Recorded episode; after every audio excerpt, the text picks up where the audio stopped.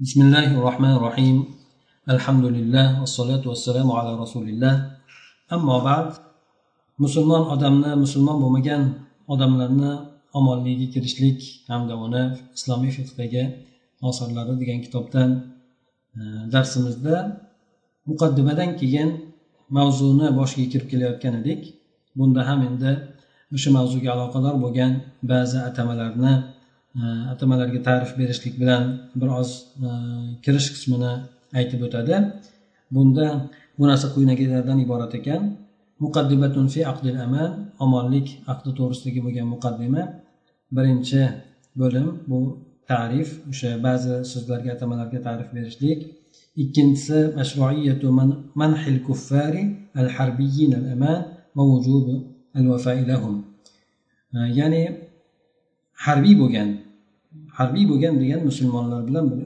qarshi jang qilayotgan degani. Musulmonlarga qarshi jang qilayotgan kofirlarga omonlik berishlik mashru ekanligi hamda musulmonlar uchun esa unga vafo qilishliklari vojibligi. Ya'ni musulmonlar ularga o'sha kofirlarga o'sha bergan ahdlariga vafo qilishliklari vojib ekanligi to'g'risida. Uchinchisidan esa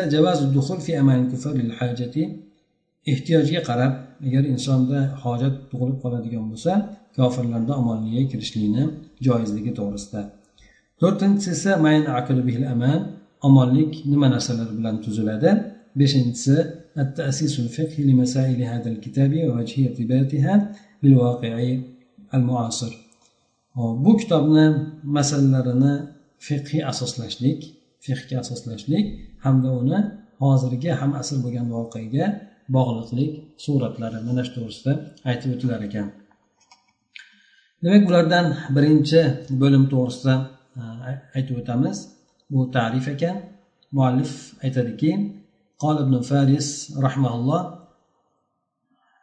أمن الهمزة والميم والنون أصلان متقاربان أحدهما الأمانة التي هي ضد الخيانة ومعناها سكون القلب والآخر التصديق والمعنيان كما قلنا متدانيان قال الخليل الأمنة من الأمن والأمان إعطاء إعطاء الأمانة والأمانة أمنة والأمانة ضد الخيانة lug'aviy olimlardan ibn foris aytadiki amina degani bu hamza mim nun harflardan iborat bunda ikkita bir biriga yaqin bo'lgan asl ma'no bor Ularni birisi omonat ma'nosida tushunadi bu esa xiyonatni ziddi hisob ziddiga aytiladi.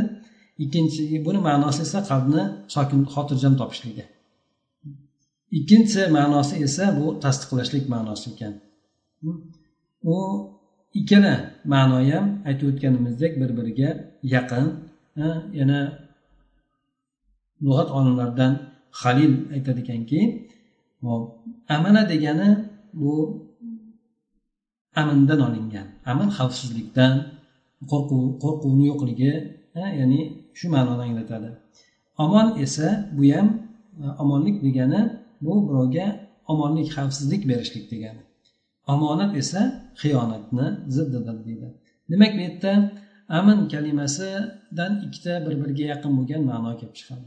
Birisi omonatlik ya'ni e, omonatdorlik bo'ladigan bo'lsa ishonish ishonishlik qalb xotirjamlik bo'ladigan bo'lsa yana birisi esa bu xavfsizlik degan ma'nosida ekan ya'ni omonlik tinchlik xavfsizlik degan ma'nosida bo'ladi rog'ib isfahoniy aytadiki أصل الأمن طمأنينة النفس وزوال الخوف والأمن والأمانة والأمان هي في الأصل مصادر للفعل أمنة ويجعل الأمان تارة اسما للحالة التي يكون عليها الإنسان في الأمن وتارة اسما لما يؤمن عليه الإنسان نحو قوله قوله تعالى وتخونوا أماناتكم أي ما اؤتمنتم عليه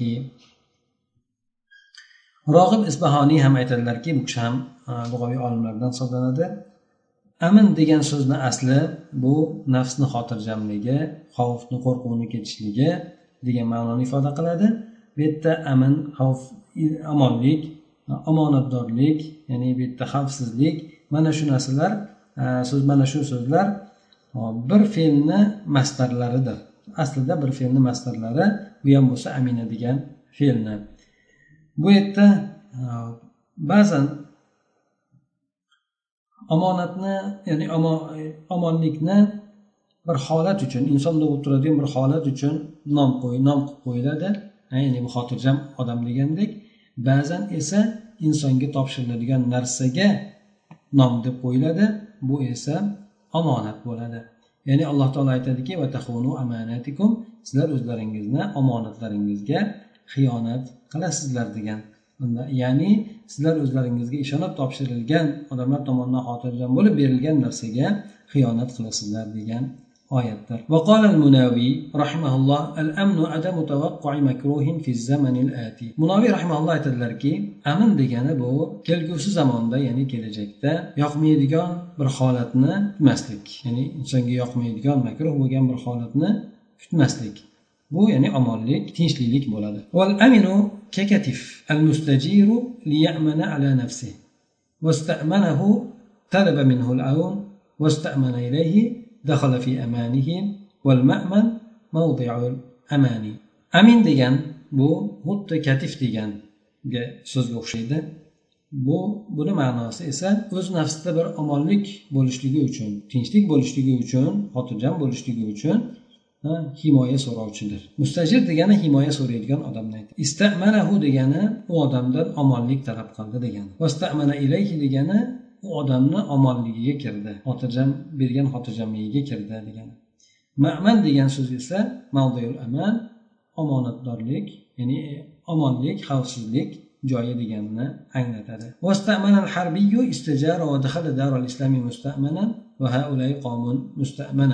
Harbiy odam omonlik so'radi degani ya'ni bu himoya so'radi degani hamda islom diyoriga omonlik bilan kiritilgan bo'ladi. Mana bular esa omonlik berilgan odamlar hisoblanadi والمستأمن بكسر الميم اسم فاعل وهو الطالب للأمان وبفتحه اسم المفعول يعني مستأمن demoqchi وهو من أعطي الأمان والسين والتاء للسيرورة أي من صار مؤمنا مستأمن degani bu ismi foil bu omonlik talab qiluvchi tinchlik talab qiluvchi degani fatha bilan esa mustaman esa bu ism maful bo'ladi bu omonlik berilgan odam bo'ladi bu yerda kelayotgan mustamindagi sin hamda ta harflari bular o'sha fe'l undan tushunayotgan fe'lni boshqa bir holatga aylantirilganligini anglatadi ya'ni bu odam omonat ya'ni omonlik berilgan odamga aylanib qoldi omonlik berilmagan odamdan omonlik berilgan odamga aylanib qoldi degani هذا ما يتعلق بلفظ الأمان ودلالته دلالاته اللغوية أما في بحثنا هذا فنقصد بالأمان ما اصطلح عليه الفقهاء في كتبهم من إطلاقه على عقد الأمان وصكه. أي الأمان بمعناه الديني والسياسي والقانوني وهو عقد ملزم تترتب عليه نتائج وآثار بخلاف الأمان النفسي فهو شعور وجداني لا ينضبط وتتفاوت مراتب الناس فيه فبعضهم تسكن نفسه نفسه ويطمئن قلبه بأدنى مظن مظنة أمان وبعضهم لا يزال في شكه وقلقه واضطرابه.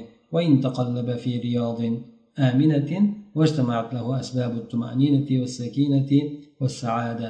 وهذا حال أكثر الناس. bu yuqoridagi aytib o'tganlarimiz omonlik lafziga hamda uni lug'aviy bo'lgan dalolatlarga taalluqli bo'lgan narsalar edi ammo endi biz mana bu bahsimizda izlanishligimizda omonlik bilan biz fuqarolar o'zlarini kitoblarida mutlaq suratda aytib o'tgan narsani qasd qilamiz.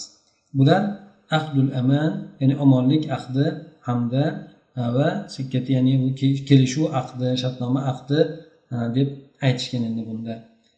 Ya'ni bu yerda omonlik berishlik diniy ma'nosi bilan ham siyosiy ma'nosi bilan ham qonuniy ma'nosi bilan hamdir. Bu omonlik ahdi musulmonlarga lozim bo'ladigan ahddir. Yoki ikki tomonga ahd tuzgan tomonlarga rioya qilishligi lozim bo'ladigan ahddir. Albatta bundan natijalar hamda o'ziga yarasha kelib chiqadi bu ahd. Insonni o'zidagi nafsiy bo'lgan omonligidan omonligiga xilofida endi. Bu insonni o'zini ichki tomonidan omonlikni xotirjamlikni sezishligi bu vijdoniy bo'lgan tuyg'udir. Bu esa uni tartibga solib bo'lmaydi. Ya'ni kimda ozroq kimda ko'proq bo'ladi. Odamlarni bu boradagi martabalari ham bir biridan farq qiladi. Ba'zilarini nafsi xotirjam bo'ladi qalbi ozgina omonlik bo'lgan narsaga ham xotirjam bo'lib qolaveradi. Ba'zilari esa garchi tinch bog'larda belanib yurgan taqdirida ham uning uchun butun xotirjamlik sukunat baxt saodat sabablari jamlangan bo'lsa ham baribir o'zini shak shubhasida o'zini bezovtaligida iztirobida davom etaveradi.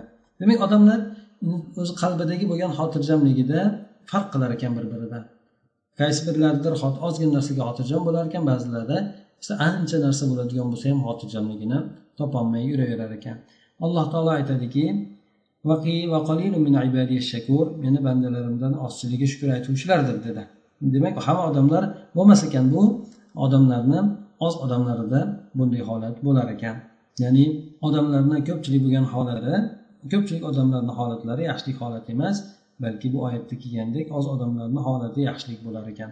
Odamlarni haqiqatdan tekshirib ko'riladigan bo'lsa ko'pchilik odamdan ko'ra ozchilik bo'lgan odamni holatlari yaxshi bo'ladi. Boshqa bir oyat karimada aytadiki alam taro ilallazina kharaju min diyarihim hum ulufun hadara al-maut faqala lahum Allohu mutu thumma ahyahum inna Alloha la fadlin 'ala la yashkurun siz o'zlarini diyorlaridan minglab bo'lgan holatlarida o'limdan qo'rqib chiqqan odamlarni bir qaramaysizmi ularga bir boqmaysizmi dedi. Ya'ni bizdan oldingi o'tgan ummatlar to'g'risida alloh taolo aytyaptiki ana o'shalardan ba'zilari o'limdan qo'rqib minglarcha odam bo'lgan holatida o'z diyorlarini tashlab chiqishgan. Shularga bir qaramaysizmi bular o'limdan qochib qo'rqib chiqishdiyu ya'ni ba'zi rivoyatlarda ularda vabo tarqaganligi yoki ularni o'sha lozim tushligiga buyurganligiga qaramasdan o'limdan qo'rqib qochib chiqishadi. Lekin alloh taolo ularga aytadiki bo'lmasa o'linglar deydi. So'ng o'lgandan keyin ularni hammasini alloh taolo qayta tiriltiradi. Demak ular o'limdan qochib chiqishligi ularni o'limdan qutqarib qolmas ekan. Alloh taolo ularni shu narsaga iqror shu narsani ularga uqtirdi keyin esa ularni vafot ettirib alloh taolo qaytadan tiriltirdi demak o'limdan qo'rqishlik insonni o'limdan saqlab qolmas ekan albatta alloh taolo insonlarga juda katta bir rahmat fazl egasidir alloh taolo insonlarga juda katta marhamat bergan lekin odamlarni ko'pchiligi alloh taologa shukrona qilishmaydi deydi وما أشبه حال كثير من اللاجئين إلى البلاد الغربية بهذا فإن كثيرا منهم قد خرجوا من ديارهم حذر الفقر والمرض والظلم والاضطهاد والموت فبلغهم الله تعالى مأمنهم وأحياهم خير حياة في المأكل والملبس والمسكن. ومع ذلك تجد أكثرهم متذمرين ساخطين قلقين مضطربين لأنهم قوم لا يشكرون. ko'pchilik bo'lgan odamlarni ya'ni g'arb o'lkalariga qochib kelgan ko'pchilik odamlarni holatlari ham shunga o'xshab ketadi ulardan ko'pchiligi o'zlarini diyorlaridan kambag'allikdan qo'rqib kasallik zulm siquv hamda o'lim shunga o'xshagan narsalardan qo'rqib turib chiqishgan. Alloh taolo ularni xotirjam bo'lgan joylariga yetkazib qo'ydi. O'zlari bir xavfsiz bo'lgan joyga yetkazib qo'ydi. Yana ularni yeyishlik kiyinishlik yosh yashash yashashlik uy joylarida yaxshi bir hayotni ham ularga berib qo'ydi.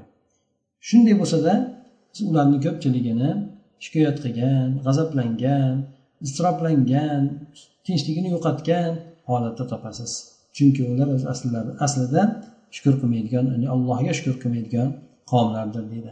Ya'ni u kishini bu bilan maqsadi odamlar pul topsam bunday ishlarni qilardim deydi dinga bunday yordam berardim deydi. Yoki bo'lmasa hozir imkoniyatimiz qiyinda deb turib o'zini o'lkasidagi bo'lgan holatlarni pesh qiladida shu tashqariga chiqib olsak yoki bemalollikka chiqib olsak bunday qilamiz bunday qilamiz deydi. Lekin chiqqandan keyin esa bular holati teskari holatga aylanib qolib ya'ni alloh taologa bu bergan ne'matlarga shukur qilmaydi.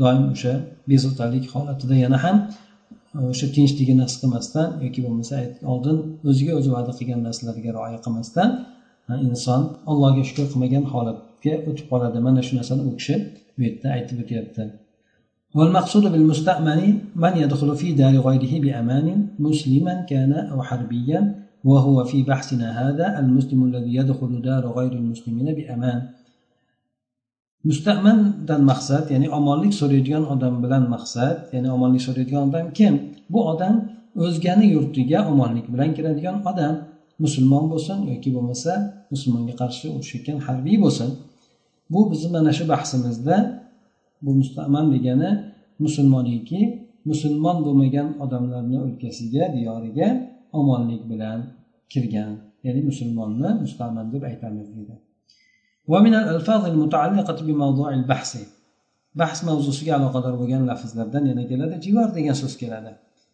min ajara rajula ijaratan xafarahu vastajarahu sa'alahu an yujirahu Jiva bu bir odam bir odamga himoya berganidan olingan. Ya'ni himoya berishlik degani.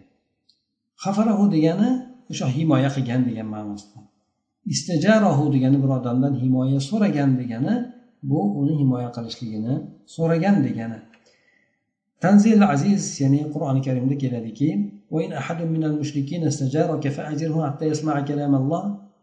agar mushuklardan birortasi sizdan himoya so'raydigan bo'lsa siz uni to allohni kalomini eshitgunigacha himoya bering u odamga to eshitgunigacha u odamni omonlikda qoldiring omonlik bering u odamga o'sha e, islomda bilishligi kerak bo'ladigan ma'lumotlarni bering u odamga shungacha omonligida tursin dedi zajjoj aytadiki mufassirlardan bu oyatni ma'nosi shuki إن طلب منك أحد من أهل الهرب أن تجيره من القتل إلى أن يسمع كلام الله فأجره أي أمنه وعرفه ما يجب عليه أن يعرف يعرفه من أمر الله تعالى الذي يتبين به الإسلام ثم أبلغه مأمنه لئلا يصاب بسوء قبل انتهاء مأمن إلى إلى مأمن buni ma'nosi agar sizdan bironta ahli harbdan musulmonlarga qarshi urushayotganlardan birontasi ollohni kalomini eshitib olgunigacha o'ldirishlikdan himoya berib turishligingizni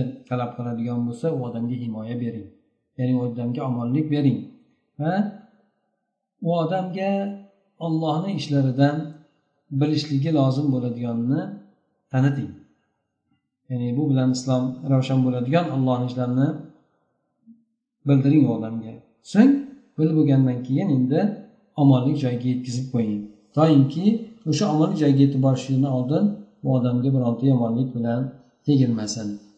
Ya'ni musulmonlar tomonidan yomonlik bilan تيجي تجلمسن ويقال الذي يستجير بك جار وللذي يجير جار والجار الذي أجر أجرته من أن يظلمه ظالم والجار والمجير هو الذي يمنعك ويجيرك واستجاره من فلان فأجاره منه وأجاره الله من العذاب أنقذه وفي الحديث ويجير عليهم أدناهم. أي إذا أجار واحد من المسلمين حرا أو عبدا أو امرأة واحدا أو جماعة من الكفار وخافرهم وأمنهم جاز ذلك على جميع المسلمين لا ينقص لا ينقض عليه جواره وأمانه endi sizdan himoya so'raydigan odamga ham jor deb aytiladi himoya beradigan odamga ham jor deb aytiladi ya'ni himoya beruvchi deb aytiladi jor degani bu siz bironta zolim zulm qilib qo'yishligidan himoya qilgan odamni bu o'rinda demak himoya qiluvchi himoya beruvchi degan jor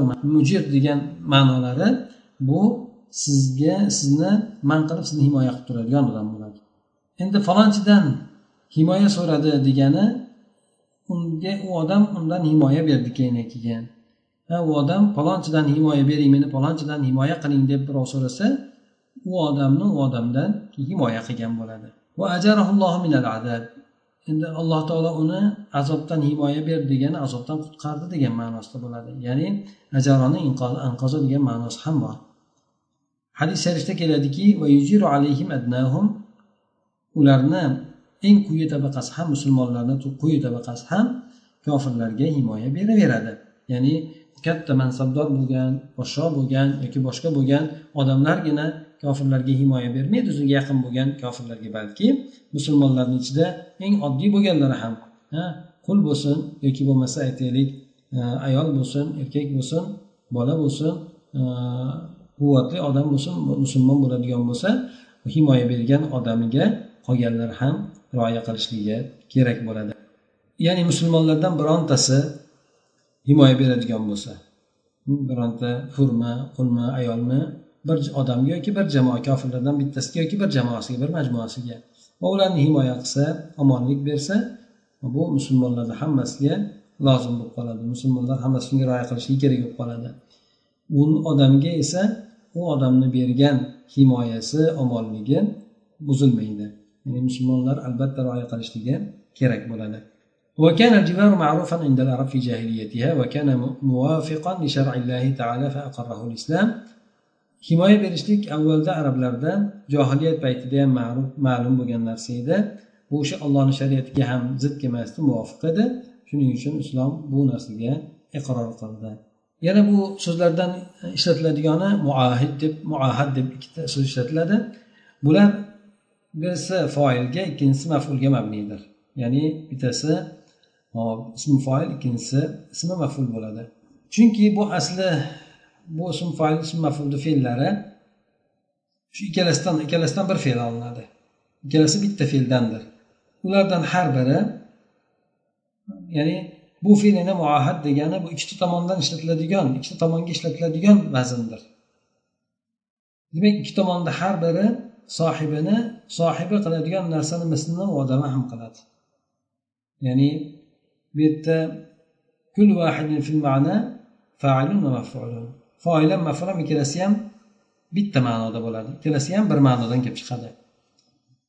Ya'ni bir narsada ishtirok etuvchi bo'ladi. Xuddi shuningdek aytiladiki mukatib mukotab deyiladi. Mukatib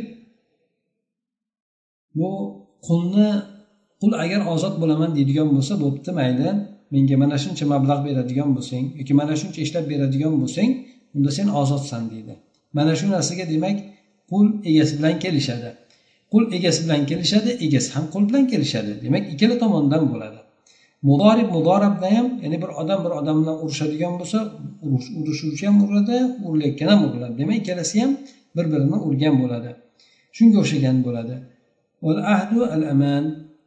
والموثق والذمة ومنه قيل للحربي يدخل بالأمان ذو عهد ومعاهد أيضا وأكثر ما يطلق في الحديث على أهل الذمة وقد يطلق على غيرهم من الكفار إذا صولحوا على ترك الحرب مدة ما ahd degani bu omonlik degani ishonchnoma degani va dimma shartnoma degani ana o'shandan aytiladiki harbiy bo'lgan odamga harbiy degani aytib o'tdik musulmonlarga urush qilayotgan odam bo'ladi mana shu omonlik bilan kiradigan odamga omonlik bilan kiradigan harbiy bo'lgan odamga u ahdi bor odam deyiladi. Ya'ni bu ahd qilingan odam bu ahd bilan qo'yilgan odam deb aytiladi. Ko'proq bu ahli zimmalar to'g'risida aytilganda aytiladi bu so'z. Ya'ni ahd qilingan deb turib. Ulardan boshqa kofirlarga ham aytiladi agar ular bir muddat urushni tark qilishlikka kelishishadigan bo'lsa yarashishadigan bo'lsa sulh qilishadigan bo'lsa bularga nisbatan ham bular hozir ahdda bo'lgan odamlar bu odamlarga ahd berilgan deb aytiladi. Bu yuqorida aytib o'tganlari muallifni demak ba'zi o'sha mavzuni ichida keladigan e, atamalarga bir qator e, tanishtiruv berib ta'rif berib o'tib ketdi.